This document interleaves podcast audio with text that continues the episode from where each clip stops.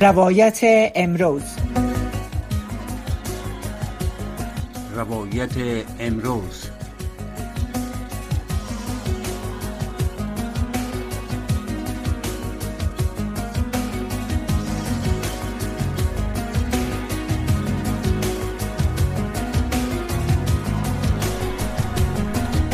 شنونده های عزیز برنامه سلام. به برنامه روایت امروز خوش آمدین. هر جایی که هستین آرزو دارم صحت و سلامت باشین وقت خوشی داشته باشین. برنامه های صدای امریکا را ببینین و بشنوین. در برنامه امروز روایت امروز در رابطه به موضوعات کتابخانی مطالعه در بین زنان و ای که تاثیر کتابخانی بر افکار زنان چی می‌تونه باشه صحبت می‌کنیم.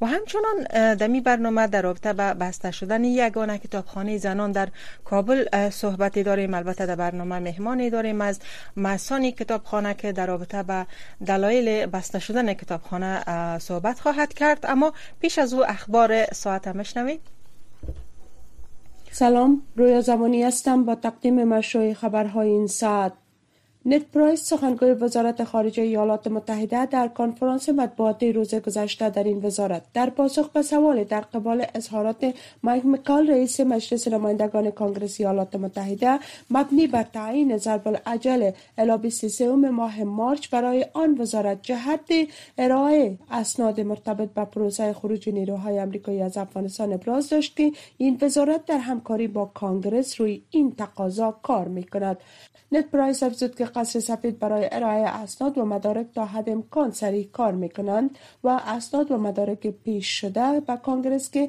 در اختیار قصر سفید نبوده را ثبت و ذخیره می کند چهار روز بعد از انفجار بر تجمع خبرنگاران در مرکز فرهنگی تبلیان در شهر مزار شریف مرکز ولایت بلخ. برخزنادهای حامی خبرنگاران می‌گویند که در این انفجار یک خبرنگار و یک کارآموز خبرگزاری صدای افغان کشته و 18 خبرنگار دیگر زخمی شدند جزئیات بیشتر را از فوزی احسان مشنوید مرکز خبرنگاران افغانستان ناوقت روز دوشنبه 22 ماه هود در خبرنامه گفت که حسین نادری گزارشگر خبرگزاری صدای افغان آوا و اکمل نظری کارآموز این رسانه در میان جانباختگان هستند. در این خبرنامه مرکز خبرنگاران افغانستان از مسئولان امور می خواهد و نگرانی های امنیتی و کاری خبرنگاران رسیدگی کنند. این انجمن از طالبان خواسته است که با ایجاد کمیته مشترک از ارگانهای امنیتی نهادهای مدافع حقوق خبرنگاران و رسانه ها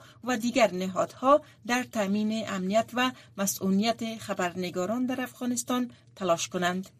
در حالی که نگرانی ها در مورد مشکلات اقتصادی در افغانستان رو به افزایش است دفتر هماهنگی کمک های بشردوستانه سازمان ملل متحد در افغانستان می‌گوید که در سال 2022 سطح قرضه های افغانستان نسبت به سال 2019 50 درصد افزایش یافته است اخبار منطقه و جهان را از امواج رادیو آشنا صدای امریکا مشنوید مقام های امنیتی در ایالت خیبر پختونخوا گفتند که در دو حمله جداگانه دو منصوب پلیس به ضربه گلوله کشته شدند.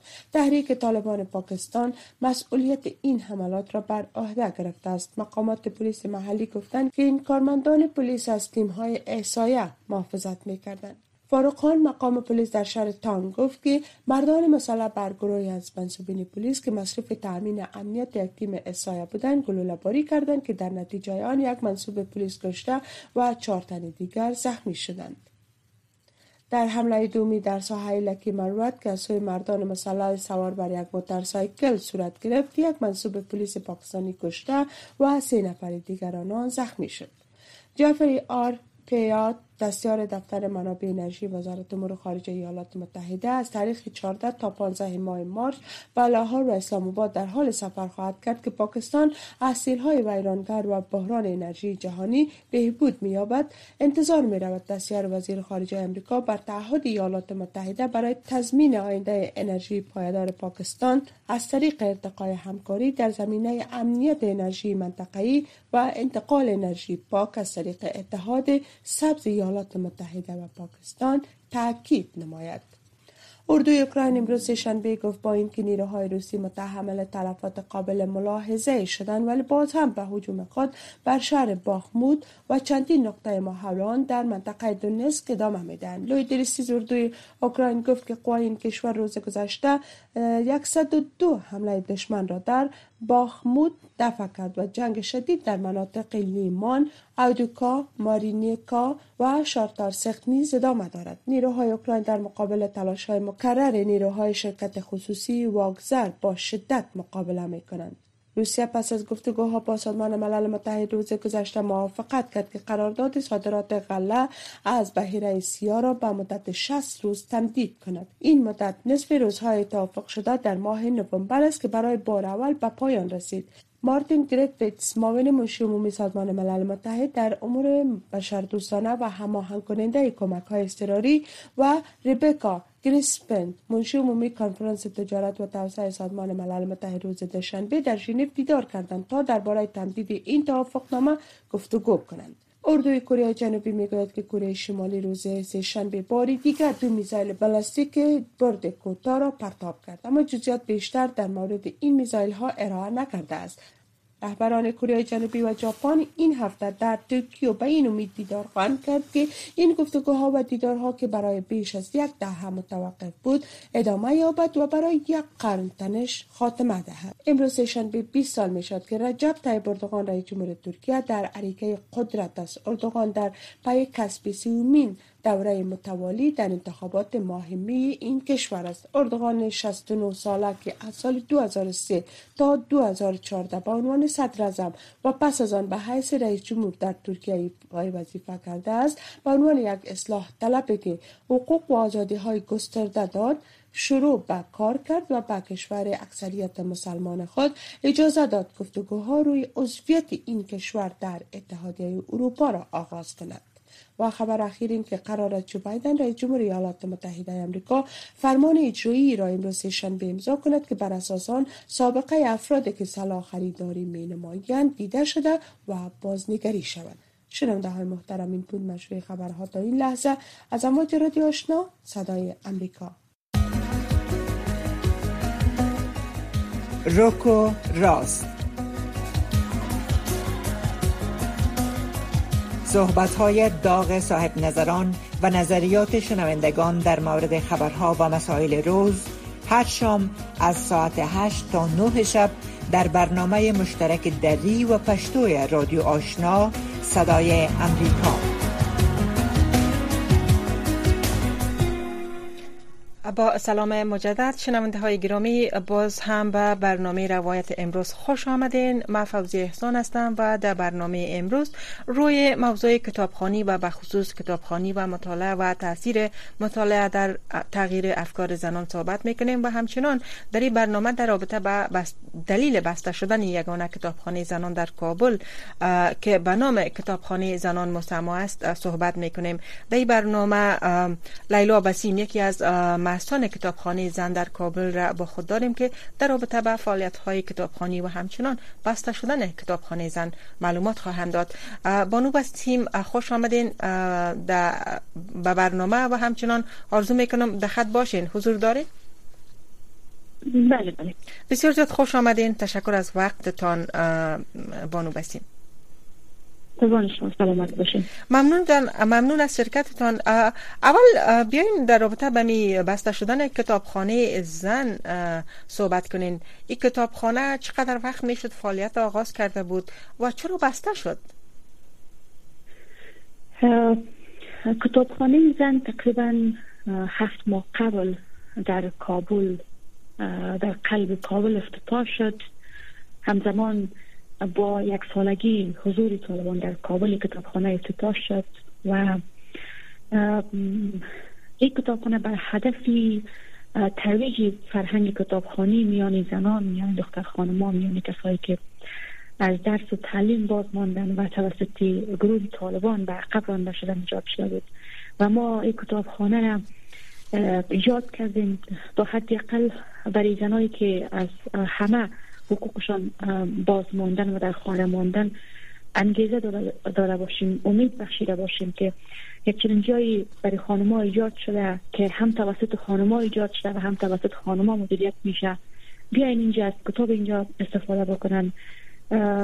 برایشان آگاهی بخشیده شده از طرف کتابخانه. ولی با تاسف که کتابخانه در مدت هفت ماه دو بار از طرف اداره طالبان مغلق شد. باری اولش کشوش کردیم که از طرف دوستا کتابخانه دوباره باز بکنیم دوباره به فعالیت آغاز بکنیم. ولی بار دوم که مغلق شده بود خودمان خواستیم که دوباره کتابخانه را باز بکنیم بعد فعالیت داشته باشیم. چون در این کتابخانه ما فعالیتی که داشتیم ای بود که کتاب را با یگان عرضه می کردیم برای دختر خانم کسایی که خبری کتابخانی داشتن در بخش کتاب می‌خواستن مطالعه داشته باشن.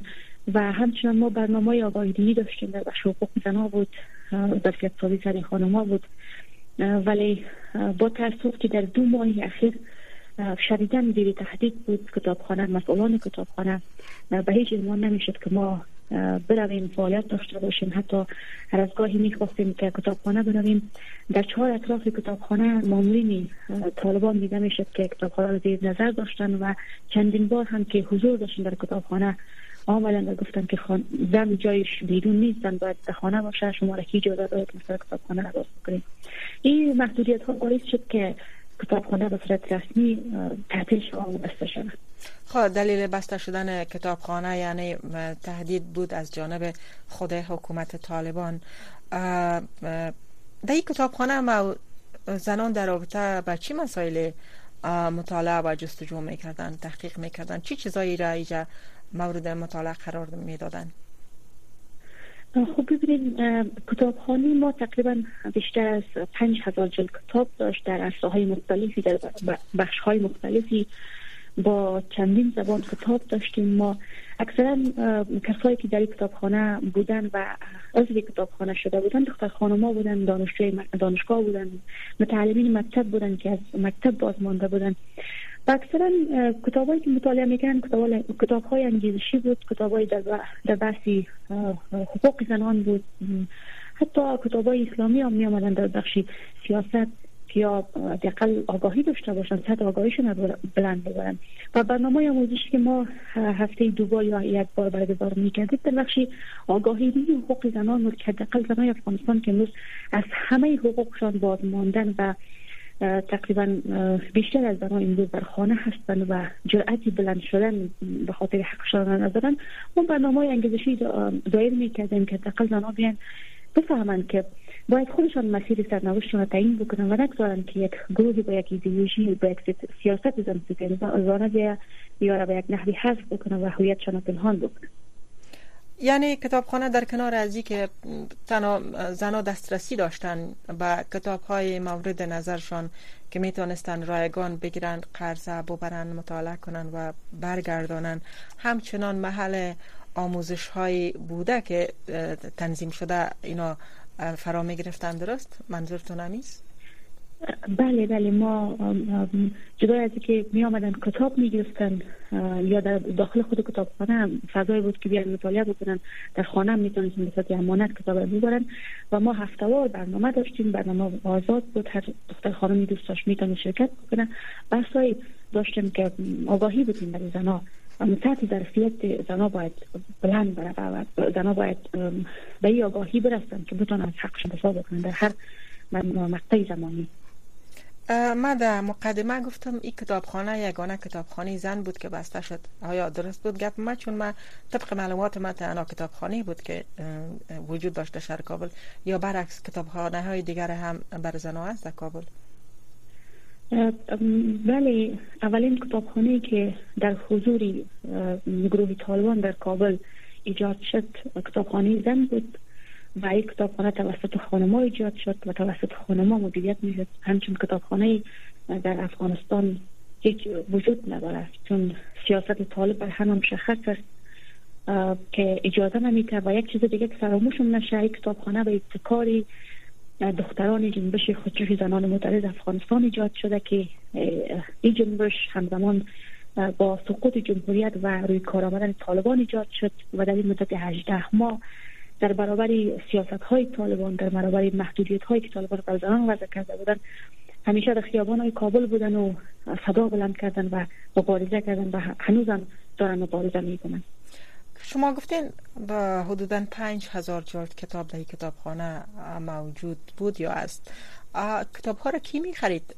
اعانه بود می خرید دخترها چگونه به دست می آوردن؟ من در صحبت قبلی گفتم کتاب کتابایی که در کتابخانه موجود بود ما کتاب را البته قبل از اینکه کتابخانه ایجاد شود ما تقریبا کمتر از سه ماه کارگاه جمعوری کتاب داشتیم. و تمام کتابایی که در داخل کتابخانه داشتیم از دوستهای فرهنگی ما جمعوری کرده بود و این کتاب به صورت امانت برای دختر ما عرضه می شد پس بعد از اینکه مطالعه می دوباره در کتابخانه تسلیم می دادن حالا چی تصمیم دارین؟ کتابخانه رو تازه بسته کردین به خاطر تهدیدات. با این کتابخانه چی می‌کنین؟ کتابا را سرنوشت کتابا چی میشه؟ و از کتابخانه بر دائمی بسته خواهد ماند یا ای برای یک مدت موقت بسته خواهد ماند؟ و امیدواری باز گشایی از است؟ چی, چی امیدی است؟ ما کتاب به صورت موقت یک جای انتقال داریم ولی برنامه زیادی داریم که ما می‌تونیم مثلا کتابخانه به صورت آنلاین داشته باشیم. چون ما بیشتر از 400 عضو در یک کتابخانه داریم و ما تماس داریم با کسایی که مثلا علاقه من برای کتابخانه بودن و می‌خواستن که کتاب مطالعه بکنن. ما می‌تونیم که به صورت آنلاین کتاب را برشون مثلا برسانیم و یک چیز دیگه فراموش نشه که راه مبارزه دراز است و تنها کتابخانه راه مبارزه زنای افغانستان نبوده و نیست برای زیادی است که زنای افغانستان می‌تونن از این طریق مبارزه بکنن و خودشان در جامعه نشان بدن. و دیگر این که ما می‌تونیم از طریق کورس های آنلاین از طریق جلسات آنلاین جلسات کتابخانی را برای بندازیم اگر طالبان مثلا فعالیت های حضوری زنان را در جامعه افغانستان در جغرافی افغانستان محدود می‌سازه راه های زیادی است که زنان می‌تونن از استفاده بکنن به صورت آنلاین که حداقل همین هویت بنامی زن خاموش نشود. در افغانستان زنها فعلا اجازه رفتن به کار به پوهنتون ها حتی به مکتب بالاتر از صنف ششم را ندارن اکثر اوقات کتاب کتاب و مطالعه و گپا ارتباط می‌گیره با که افراد کوشش می‌کنن که یک امیدی دارن از او تحصیل یا از او مطالعه که دارن در راه استفاده کنن. امروز زنها یعنی امو زمینه استفاده از چیزهایی که می آموزن را ندارن. چی انگیزه باعث می شد از بین زنها که هنوز هم کتابخانی در بین زنان افغانستان وجود داشته باشه زنها کتاب بخوانن ببینین کتابخانه زن تنها یک کتابخانه بود که مثلا خانما بیان کتاب ببرن و تبادل بیارن ببرن. این کتابخانه جای تبادل نظر بود جای گفتگو بود جای استدلال بود جای بود که زنها جمع می شدن در مورد حقشان در مورد آیندهشان در مورد اهدافشان صحبت می و حصلی هدفی که ما کتابخانه را ساخته بودیم همین بود که زنها باید متحد شوند یک جای شوند یک صدا شوند. در برابر یک گروهی که مثلا به هر نحوی می‌خواه زنها را کلا از اجتماع دور بسازه و این زیبا بکشانه ما این ایجاد کردیم که زنها باید بیاین. و صادقانه وقتی کتابخانه افتتاح شده بود بسیار از دختر خانم آمدن استقبال کردن. حتی یک روزی تقریبا یک ماه از افتتاح کتابخانه دختر خانم از دانشگاه آمد دانشجوی دانشگاه بود آمد. و بسیار امی تو حتی عشق میریخت. گفتم این وقتی که من امشب یعنی خبر شما را در بی بی سی میدم.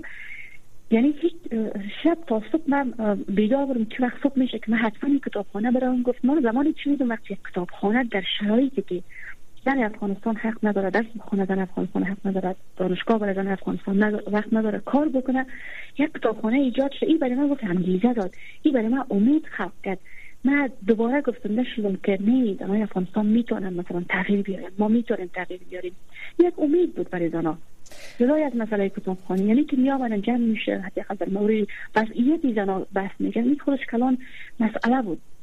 حالا کتابخانه را بسته کردین و به خاطر تهدیدات موجود امیدی هم برای باز شدن به زودی کتابخانه نیست و در شرایطی است که زنها واقعا به برفایی که شما گفتین و گرد همایی تبادل افکار و آگاهی نیاز دارن. چی راه های دیگه غیر بودن یک کتابخانه در قلب شهر کابل وجود داره که زنها بتانن از او طریق تبادل افکار کنن و یکی از آگاهیشان از حقوقشان آگاهی پیدا کنن و حمایت کنن یک از یکی دیگه از تصامیم یکی دیگه و به این نتیجه برسن خوب اصلا این از اول مشخص بود ما زمانی که می کتابخانه را ایجاد کرده بودیم ما میفهمیدیم که با حضور طالب با حضور گروهی طالب زن افغانستان به جغرافیای برای افغانستان نمی‌تونه که بر خلاف دستورات گروه حاکم عمل بکنه و فعالیت داشته باشه. ولی راه های زیادی است که می‌تونه زنها استفاده بکنن برای آگاهیشون برای جمع شدنشان برای تبادل افکارشان. حالا قبل یک از مسئله تکنولوژی است دنیا کلا کارهایشان به آنلاین انجام میشه. ما می‌تونیم مثلا گروه ها بسازیم و از این طریق جلسات آگاهی جلسات کتابخانی دایر بکنیم. و حتی در شرایطی که فعلا همه زنای افغانستان کلا برقرار شدن نه درس هست نه آموزشگاه هست نه دانشگاه هست. ما می‌تونیم کتابخانه های مخفی ایجاد بکنیم. ما می‌تونیم مثلا نهادهای آموزشی مخفی ایجاد بکنیم. نهادهای آنلاین ایجاد بکنیم که به هر نحوی بالاخره زنها باید جمع شوند. زنها باید فعال باشند. نباید زنها را ما جنزی قشری خاکستری جامعه حساب بکنیم. شما تجربه کتابخانی مطالعه تبادل افکار در این کتابخانه را برای ماها داشتین در حالتی که خیلی وضعیت قید بوده و امکانات دیگه وجود نداشته. چقدر این مطالعات چقدر می کتاب خواندن در رشد افکار تغییر افکار زنا نقش داره؟ چی تغییراتی را تانسته در زنایی که با شما بوده بیارن اگر به طور نمونه شما یاد کنین که چقدر می‌تونه محصر باشه مطالعه و تبادل افکار در تغییر. خوب ببینین زنای افغانستان در این سال واقعا سرشان سرمایه گرایی شده بود واقعا سرشان در شده بود که تانسته بودن در قدرت باشند تانسته بودن در سیاست باشند تانسته بودن در اصلاح مختلف از جامعه حقیقت سی چند سهم را داشته باشند در برابر مردا فعالیت داشته باشند و کتابخانه ما همین که در شش ماه یک مدت بسیار کوتاه هست ما تانستیم 400 دختر خانم را در این کتابخانه از داشته باشیم. این نشان میده که زنها مثلا بالاخره به این آگاهی رسیدن که باید مطالعه بکنن. باید سطح آگاهیشون بلند ببرن. و در شرایطی که امروز یک گروه ایدئولوژیک آمده و ادعای از این می‌کنه که مثلا اسلام چنین فرموده دین چنین فرموده و بر دستورات خودشان ساخته خودشان برچسب دین میدن بسیار لازم و ضروری هست که نسل که فعلا در افغانستان است مخصوصا زنا باید سطح آگاهیشان بلند باید سر افکارشان کار شود. باید سرشان انگیزه سازی شود که یا باید بفهمن مسیر سرنوشتشان خودشان باید تعیین بکنن. باید این را بفهمن که این تنها خود زن است که می‌تونه هویتش مشخص بکنه می‌تونه برای خودش هویت بسازه. در دنیایی که مردانه هست نوی دنیا که مردانه هست هیچ وقت هیچ زنی نباید به این امیدوار باشه که یک زن یک مرد بلند شود. دست زن بگیره هویت به جامعه بیاد. تو هم حق داری تو هم بشر هستی باید فعالیت داشته باشی.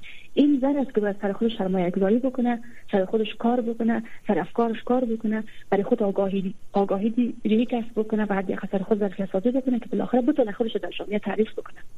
شما بسیار از یک جای بنیادی آغاز کردین به خاطر آوردن تغییر در افکار زنان جامعه و به خصوص زنان یعنی کتابخانه ساختین از خواندن شروع کردین. جایی که خود اسلام گفته اقرا یعنی بخوان. شما از خواندن از مطالعه آغاز کردین و این خیلی از جای حساسی و بنیادی کار شروع کردین که امید فکر می‌کنم راه های دیگر هم طوری که گفتین دارین و ادامه میتین زنان افغان بیشتر به کدام مسائل علاقمند هستند در مطالعه در کدام بخش ها یک وقت بود شعر بود داستان و رمانی گپا حالا سیاست هست اقتصاد است مسائل دیگه است.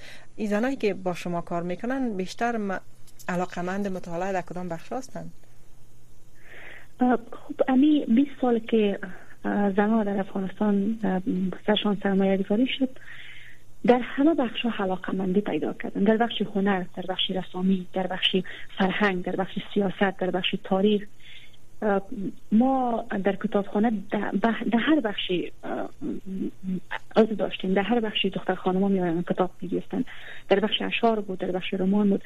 ولی در این مدت شش ماه بیشترین کسایی که از ما کتاب می بودن فقط سه بخش به زیاد می بودن یکی بخش تاریخ می بودن چون ما یک, بخش بخش فمینیستی هم داشتیم کتاب در مورد زنا.